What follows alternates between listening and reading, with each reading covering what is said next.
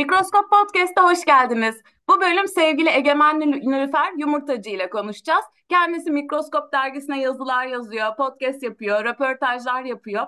Size isminizden daha çok güzel diyorlar. Ee, sizin için uygunsa ben de öyle hitap etmek istiyorum. Tabii ki de uygundur. Buyurun efendim. Güzel, hoş geldiniz öncelikle. Ee, Müge Hanım da size güzel diyor. Telefonu kaydettiğimde de güzel diye kaydedilmişti. Size neden güzel diyorlar?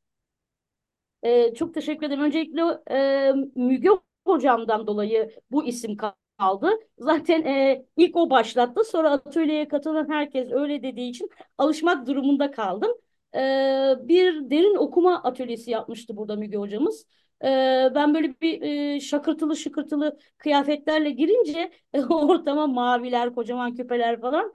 Hocam da e, üç ismi birden görünce sana ne diyeceğiz dedi. Biri soy ismim olduğu halde o dönemde. E, Egemen ya da Nilüfer istediğinizi seçebilirsiniz hocam dedim. Kendisi listeye baktı soyadımı seçip ben güzel diyeceğim. Çok güzel girdin çünkü dedi. Ya hocam dedim hani engelli olduğum için böyle söylüyorsunuz. Ben güzel falan değilim dedim. Önce bir e, direkt reddedişte bulundum. Daha sonra hoca yok ben güzel diyeceğim. Seçme hakkını verdiğine göre güzel dedi. Sonra iki gün boyunca bütün atölyedeki herkes güzel diye diye önce bakmazken sonra dönüp bakmaya başladım. E, bu biraz ironik olmuş oldu. Çünkü yıllarca e, engelli bir birey olarak toplum tarafından dış görüntüyle değerlendiren biri olarak içselleştiremedim. Fakat şimdi güzel denildiğinde hem yabancı gelmiyor hem de kendi güzelliğimi keşfetmek adına da e, dört buçuk beş yıl önce yapılan o atölye ile başlayan yolculuğumda bayağı yol aldım. Çok etkili oldu hocanın markalaştırmış gibi oldu. Harika, çok güzel bir isim ve bence çok güzelsiniz bu arada. Teşekkür ederim. Peki dergiyle yollarınız nasıl kesişti? Biraz bundan bahsedelim mi? Tabii ki de. E, hocam zaten e, çok etkili oluyor geldiği atölyelerde, girdiği derslerde insanların hayatlarında. E, bizi cesaretlendirdikten sonra yazdığımız metinlerden örnekler istedi ve mikroskopun oluşumunda hadi hep beraber metinler e, toparlayalım, konuşalım, görüşelim dediğinde doğal olarak Müge Hoca'nın olduğu yerde biz zaten mutlaka e, sonsuz itaatle varız. Çünkü insanların e, ben ona devrimci Müge diyorum e, insanların kapısını çok güzel bir şekilde açıyor. Onore ediyor, e, besliyor e, ama bir o kadar da dürüst. E, eksiğiniz varsa söylüyor. Noktalama işaretleri benimki el kaldırıyorum. Ve e, işte bilinç akışını daha böyle anlaşılabilir bir dile getirmek. Hocamdan çok şey öğreniyoruz. O yüzden o ekipte olmak çok e, gurur verici. Şimdi biz e, kaydı görüntülü alıyoruz. O yüzden ben güzele hayran hayran bakıyorum açıkçası. Podcast'inizde de ses tonunuzu duymuştum. Şimdi inanılmaz etkilendim. Çok güzel bir ses tonunuz var. Çok yani çok e, özel bir ses olduğunu düşünüyorum. Sanırım e, şiir de seslendiriyorsunuz değil mi? YouTube'da bir öykü de seslendirmiştiniz. Bu sesle bir şeyler yapılmalı çünkü. Çok teşekkür ederim. Çok zarifsiniz Deniz Hocam. Ee, yıllar önce İlk ODTÜ'de e, öykü yazma çalışmalarına başladığımızda hadi gel bir öykü oku diye sırada masada otururken öyküleri değerlendirirken okuyoruz. Sonra bunu da bir oku, bunu da bir oku. Bir süre sonra benim dergi öykü okuyucusu haline gelmem gibi bir görevim haline gelmişti. İlk kez bile alsam metni e, belki yıllardır kitap okumaktan kaynaklı. Çünkü boynumdan aşağıya çelik bir korsenin içindeydim. Bir küçük çocuk olarak yapabileceğim tek şey kitap okumaktı en yakın arkadaşlarım kitaplarda o da e, gözle takipte bir başarı elde ettiriyor insana. Zamanla bir yetenek elde ettiriyor. Onun katkısıyla ve ODTÜ oyuncularındaki e, dramatize çalışmaları, ses tonlama çalışmalarından kaynaklı farkında olmadan bir görev edinmiş oldum. Fakat daha sonra dergilerde öyküler basılınca şöyle bir şey fark ettik. Ya sen seslendirince biz bunu çok iyi anlamıştık. Gözle okuduğumuzda aynı etkiyi almıyoruz. biz bu işten vazgeçelim dediler. Fakat öykü canlandırmaları o zaman Pen'di herhalde. Ee, ilk Dünya Öykü Günü kutlamaya başladığında öykü canlandırmaları yapıldı dergi tarafından. Vüsat Orhan Bener gibi hastası olduğum yazarların gözlerinin içine bakarak öykü canlandırma yapmaya şansını bu seslendirme sayesinde elde ettiğim için ben de aldım kabul ettim bu güzel sözlerinizi. Çok teşekkür ederim. Gerçekten lütfen bizi sesinizden mahrum bırakmayın. Yani bir şekilde Evet. herhangi bir şey seslendirin çünkü biz dinlemek istiyoruz. Eminim bizi dinleyenler de böyle düşünüyordur şu an. Çok onur oldum. Çok teşekkür ederim. Çok sağ olun bu yüreklendirme için. Ee, çok enteresan bir doktora konunuz var bu arada. YouTube. Leaderboard reklamlarında anlatı ve arketipler üzerine. Ama Joseph Campbell'ın Kahramanın Sonsuz Yolculuğuna kitabına da bir gönderme var değil mi? Biraz bahsedelim mi bundan? Tabii ki de seve seve. Çünkü yaklaşık olarak 800 sayfa yazmış biri olarak bu konuda geceleri tek başıma delirmiş olmamalıyım. Ne öğrendik, ne yaptık anlatmayı ben de isterim. Ee, aslında Covid döneminde e, 11 yıllık süren doktora tezimin tamamlanma aşaması benim için ödül gibi oldu evden çalıştığımız süreçte. Benim derdim dünya yani hocanın beni yola çıkardığı yoldan çok ayrıldı. E, çünkü reklamlarla ilgili bir şey yapmam gerekiyordu. Hoca e, YouTube reklamları üzerine bir şey çalışıyordu. Ben de o konuya odaklanmıştım. En sonunda isyan ettim. Ya hocam dedim buradan gidemiyorum. Ben keyif almalıyım. Madem bu bir doktora, madem yeni bir şey söyleyeceğim. Hayata dair benim derdim üzerinden olsun. Ne senin derdin? Hikaye anlatmak. E nasıl birleştireceğiz? Tamam dedim hocam ben bir yola çıkayım. Bir yerde kesişeceğiz. Ve e, kahramanın yolculuğu aslında kendi yaşadığım zor günlerin içinden geçerken ki varlığını anlayışla beraber Campbell'ın kahramanın yolculuğunda ve tabii daha sonra Müge Hoca'nın atölyesinde de aynen o da bir o, o izleyin üzerinden çalıştırdığı için yazmaya başladığımız e, öyküde bize bir e, Bursa'da bir öğle vakti diyerek e, Sevgi Soysal'dan bir cümle verip öykü yazdırmıştı ve benim yanıma gelip şey demişti. Senin kahramanın derdi bu değil.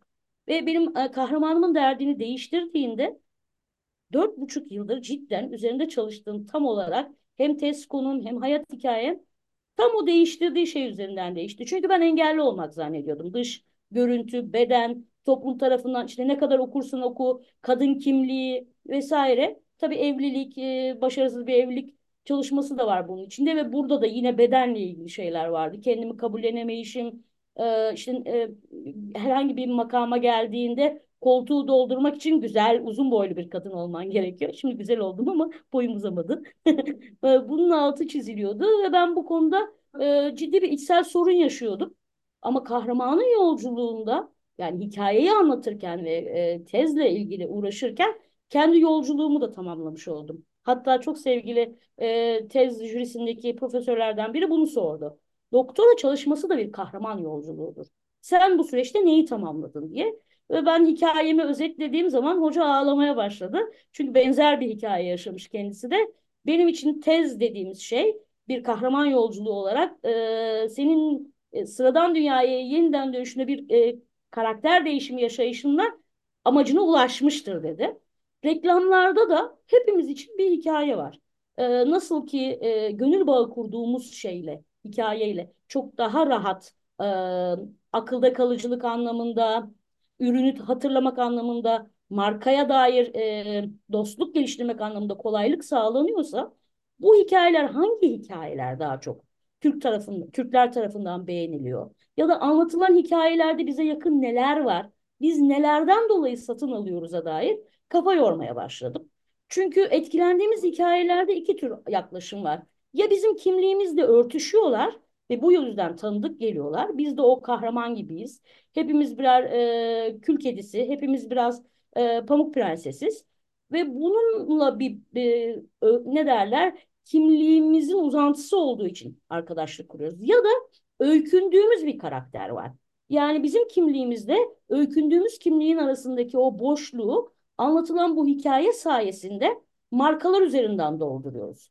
Ben gidip bir Harley Davidson alan CEO olduğumda aslında gün içinde eşek gibi çalıştığım halde kapitalizm tarafından çalıştırıldığım halde kendimi başarılı, zengin ve özgür bir ruh hissetmek için ve rüzgara saçlarımı salmak için Harley Davidson'a biniyorum.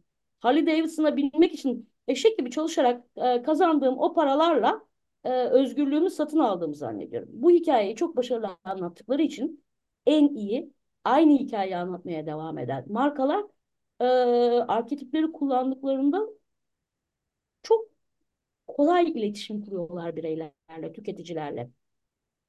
Eğer e, anlatı teorisinde, bu akış teorisinde adamın adını söylemem çok zor ama Mihaly Csikszentmihalyi gibi bir şekilde olan e, ve akış teorisinden bahseden arkadaş hikaye sizi içine alıyorsa karakter olarak onun içine girebiliyor ve gerçeklik dünyasından çıkıp hikayenin gerçekliğinin içine adapte olabiliyorsanız artık inandırıcılığı e, yani uzaylı bir adamla aşk yaşayan bir kadının oluşu size tuhaf gelmiyor. Ya da dokuz boynuzlu bir atın bizi kurtarmaya gelmesi e, tuhaf gelmiyor. Çünkü artık akış bir anlam içeriyor ve ayrı bir anlatı dünyasının içine girmiş oluruz.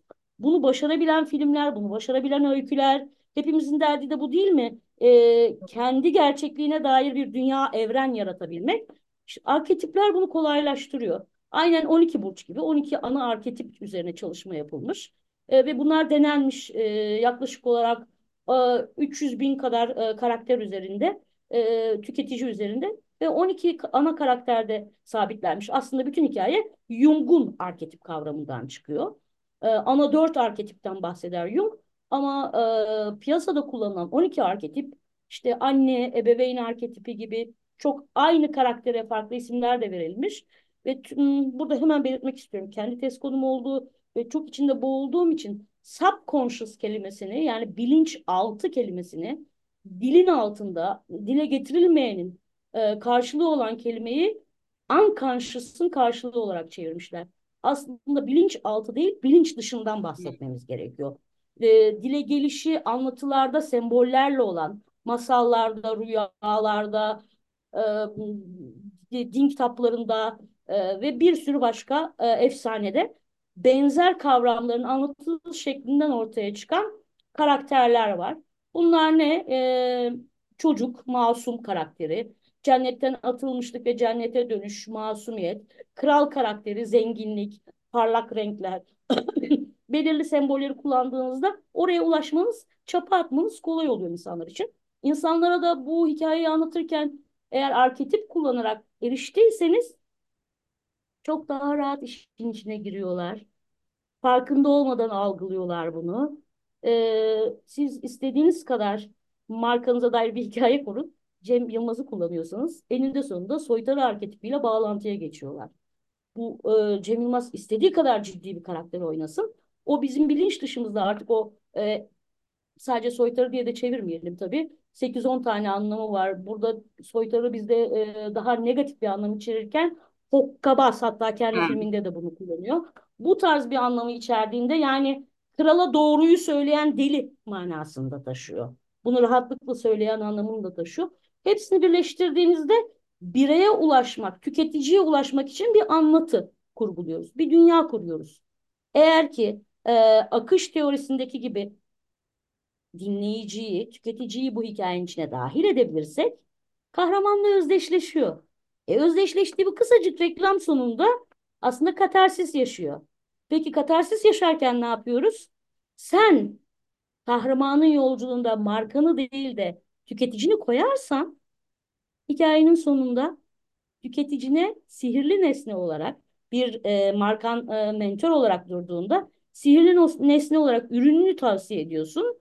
Evet özgürlüğe gitmek istiyor musun? Harley Davidson seni özgürlüğe götürecek olan bilge markadır ve gördüğün bu muhteşem motosikletle bindiğin andan itibaren özgürlüğüne, rüzgarına, saçlarını dağıtarak gidebilirsin dediğimizde kendisini kahraman gibi hisseden zavallı CEO'lar, zavallı ünlü karakterler, zavallı zengin arkadaşlar diyorum. Çünkü bu bir gerçeklik değil.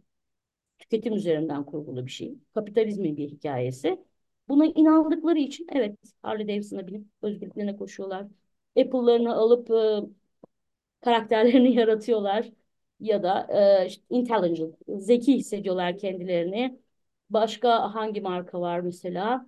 E, aklıma gelen Ferrari'sine binip aynı şekilde satan bilgeler oluyorlar. Çok güzel bir şekilde yönetiliyoruz, manipüle ediliyoruz. 12 tane arketipi hikayesini anladığımızda kim bize neyi niçin satıyor ve nasıl satıyoryu algıladığımızda çok daha özgür bir şekilde ve dışına çıkarak bakabiliyoruz. Yani hiçbirimizin cildi bu kadar güzel olmak zorunda değil. Hiçbirimiz birbirimize birebir benzemek, silikonlu bebekler olmak zorunda değiliz. Hiçbirimiz çok yakışıklı, çok zengin, harika varlıklara, dünya e, da değişim değeri olan maddi değerlere sahip olmak zorunda değiliz. İç yolculuğumuz, asıl hikaye kahramanın yolculuğu içeride olan. Bize satılanın dışında kendi kahramanımızın yolculuğunu yaptırdığımızda hikayeye uyanmış oluyoruz. Uyanan da aynı hikayeyi bir daha tüketmiyor. Çok çok güzel anlattınız bu arada. Gerçekten şey kafamda yeni bir kapı açıldı. Şey böyle o air fryer'a ihtiyacın yok. Onu alman gerekmiyor. O şey Dyson'a ihtiyacın yok falan şeklinde. Ee, Uzaylıları görürmüş gibi renkli renkli ışıklar olan ve çok daha fazla evde aman Allah'ım maytlar var bilmem kimler var diye bilmediğim bir dünyaya girmeye gerek yok. Korku ütopyasını yarattıkları için mecbur oraya giriyorsunuz çünkü. evet, dışarıda kalmamak için. Neyse bu daha şey uzar. O Evet evet yüzden başka bir konu. çok ilham vericiydi ama çok teşekkürler. Teşekkür Siz ederim. ayrıca gönüllü olarak engellilerle beraber bazı çalışmalar yapıyorsunuz. Neler yapıyorsunuz? Ee, şöyle şu anda çalıştığım devlet kurumundan önce engelliler okulunda çalışıyordum. Klasik engelli bir memur. Engelli ise engelli okulunda çalışır mantığıyla çalıştırıp oraya gö- görevlendirdikleri için. Fakat ben de e, doktorasını yapmış bir birey olarak telefonlara bakmakla yetinmek e, istemedim. Ya ben dil biliyorum. Hani e, ODTÜ mezunuyum. Dil de fena değil. Gelin biz bunu kullanalım müdürüm diye bir iki e, yanına giderek anlatarak derdimi ben bir proje yazayım dedim. Bir 2 3 5 derken bu iş ilerledi. Neler yaptık? Ee, üç okul bir aradaydı. Yani işitme engelliler ilkokulu, ortaokulu, meslek lisesi, aynı zamanda e, hafif derece düzeyde zihinsel engeller okulu bir büyük binanın içindeydi. Hepsine de bir müdür bakınca ve o da bu kadar anlayışlı ve tatlı bir kadın olunca e, deneyimsel çalışmalar yaparken yol aldık. Ne oldu? Anlatı ve masallarla uğraştığım için e, ilkokulda mesela şöyle bir çalışma yaptık herkes, e, çocuklar özellikle e, bir hikayeye takıntılı olabiliyorlar. Ve ısrarla o hikayeyi dinlemek isteyebiliyorlar. Dünyaya dair bir yaraları olduğunda o hikayede ona dair bir çözüm görüyorlar aslında bilinç dışı olarak. Bilinç dışında aynen arketipsel çalışma gibi. Annesini kaybetmiş bir çocuk e, çirkin ördek yavrusundaki çirkin ördekle kendini özdeşleştirebiliyor. Çünkü annesi tarafından e, ördeklerin arasında terk edilmiş bir kuğu yavrusu gibi hissediyor. Ama biz bunu algılayamıyoruz çünkü herkesin hikayesine sahip değiliz. Ya da işte e, ebeveynler e, bu şekilde aktarmıyor. Ebeveynin kim olduğunu bilmiyoruz. Bu çocuklarla çalışmaya başladık. Bir resim öğretmeni gönüllü olan. E, ben uzun bir dönem çocuklara masal anlattım. Belirli hikayeleri anlattık. Sonra onlara resim çizdirdik aynı konularda. Gittikçe çeşitlendirdik. Ve hemen hemen temel dertlerimize dair öfke, sevilmemek, yetersizlik, kendin olmak üzerine öyküler seçip sonrasında dönemin sonunda çocuklardan hikaye anlatmalarını istedik. Hadi siz de şimdi bir hikaye uydurun. Sizin karakteriniz mesela buradaki e, hayal e, balon neydi hatırlamaya çalışayım. Balon üfleyicisi diye bir hikaye vardı mesela. Orada engelli bir çocuk e, annesi babası olmayanların ya da rüya göremeyenler için camdan balonlar rüyalar üflüyordu. Her çocuğun kendi rüyasını elde etmek istedik. Dedik hadi siz de hikayenizi anlatın. Sizin nasıl bir rüyanız olurdu? Dileğiniz ne olurdu bu dünyadan diye. Ve çok ilginç bir şekilde çocuklar dertlerine dair hikayeler ve rüyalar anlattılar. Kimi küçük bir köpek dost istedi, kimi küçücük bir ev istedi, kimi anneannesini bir daha görmek istedi. Ee, o hüzünlüydü. Ee, dönem içinde sonuna doğru kendi hikayelerini yazdırmaya da başladığımızda asıl ailevi problemleri çok hiçbir şekilde başka türlü bunlara ulaşamazdık. Tüylerim hala diken diken oluyor. Evden e, annesi babası güzel ve çabuk irileşmiş bir genç kız diye e, dini bir eğitim verilen kuruma verilerek gönderilmiş bir çocuk. Üç tane penguenden kız olanın e, tüyleri döküldüğü için evden atıldığı bir hikaye anlattı. Annesini çok özlediğini ve sarılamadığını anlattı o penguenin. Babası tarafından dövülen bir çocuk küçük bir köpeği döven e, erkek büyük bir köpekten bahsetti ve daha sonra e, ki hani deneyimsel olarak çocuğu emniyetten topladılar ve bunları biz sadece hikayelerle elde ettik. Sadece onların anladığı hikaye çünkü şey derler e, işitme engelliler e, anlamıyorlar deyip çıkıyorlar eğitim sisteminde. Müfredat onlara göre değil. Ne yazık ki görme engelliler için de ortaokula kadar kaynaklar var. Birebir oraya ulaşılacak bir alan için başka yöntemler denenmediğinden var olan müfredat uygulanıyor. Fakat çocuklar ben de oraya gitmeden önce bilmiyordum. Nasıl olsa diyordum hani işitme engelli olduğu için çevrenin gürültüsünü duymuyor. Kitaba gömülüp okuyordur. Ne kadar güzel. Harika hani odaklanır gibi düşünüyordum. Oysa dilin duyularak öğrenildiğini ne acı ki orada öğrendim. Yani, Çünkü kulağımızla duyduğumuz ve sesi işittiğimiz için dili öğreniyoruz biz. O çocuklar duymadıkları için bizim kelime yapılarını anladığımız gibi, ekleri anladığımız gibi algılamıyorlar. Ve evet düşündüğümüz gibi gördüklerini okuyup anlamlandıramıyorlar. Ama bu şekilde hikayeyle, onlara resimle anlatarak olayları dramatize ederek aktardığımızda, hikayenin özünü aldıklarında Onlar da kendi hikayelerini anlatmaya ve kendi yaralarına dair hikayeleri anlatmaya başladılar. Bu benim için dünyada aldığım en büyük ödüldü. Ee, öbür projelerden aldığım başarıları kenara koyarsak benim için en büyük ödül buydu.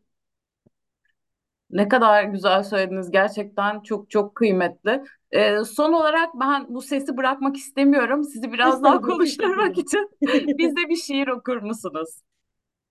Tabii ki. Çok onur ettiniz beni. Madem öyle bir kuple okuyalım. Ümit Yaşar Oğuzcan'ın sahibini arayan mektuplarından önümüzdekilerden bir tanesini sizin için seslendiriyorum Deniz Hocam ve mikroskop dinleyiciler için. Çok teşekkür ediyorum. Bu tatlı sohbet için çok güzel yönlerdiniz. 19. mektup. Duyarlarsa diyorsun. Duysunlar ne çıkar. Seven insanın suçlu gibi. Ezik olmasın neden? Sevmek ve sevilmek hakkımızı kullanıyorsak bundan kime ne? İnsan olarak aşktan başka övünecek neyimiz kaldı ki? Erdem, yalan söylemek? Hırsızlık etmek mi? Katil olmak mı? Yoksa esirleri fırınlarda yakmak mı Erdem? Bir milletin gençliğini savaş meydanlarında yok etmek mi? Yalnız sofular mı erdemli bu dünyada? Hıh. Çıkarını düşünenler mi namuslu? Başka saygı duymayanlar utansın. Yaşadıklarına. Aşka saygı duymayanlar utansın yaşadıklarına. Aşka saygı duymayanlar utansınlar yaşadıklarına. Sevenler değil. Görürlerse diyorsun. Oysa ki kimse görmeyecek seninle seviştiğimizi. Bu doyulmaz zevki kimseye tattırmayacağız. Seni benden başka bir hiç kimseye paylaşmaya razı değilim ben zaten. Zaten sen bir bütünsün. Bölünemezsin, paylaşılamazsın ki. Ben hep sevdim. Sana gelinceye kadar sevdim. De seni sevmeye hazırladım kendimi. İlk sevdiğim sen değilsin elbette ama umarım son sevdiğim olacaksın. Seni tanımadan önce yalnız e, sevmenin hazzıyla doluydu yüreğim. Gururluydum çünkü seven bendim. yalnız benim hakkımda sevdiğimi yüceleştirmek. Onu erişilmez yapmak, ölümsüz kılmak benim hakkımda. Sevildiğimi Hele senin tarafından sevildiğimi anladığım anda gururum yok oldu. Aşkının büyüklüğü karşısında eridiğimi hissettim. Anlarlarsa diyorsun.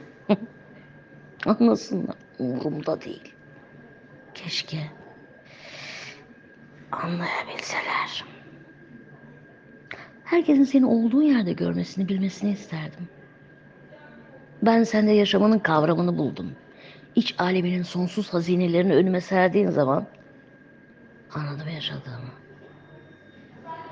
Güzelliğinin manyetik alanından dışarıya çıkamaz oldum. Uzaklaşamazdım. Hiçbir şeyden çekinme artık. Bak. Şimdi seninle vardığımız o yerde artık kimseler yok. Yıldızların erişilmezliğinde duyguların sonsuzluğundayız çünkü.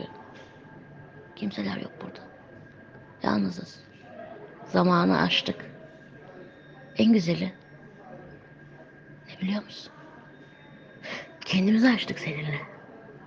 Onun için şimdi ilk defa beni sevmek hakkını sana tanıyorum. Anlayabilir misin? Anla. Seni ne kadar sevdiğimi.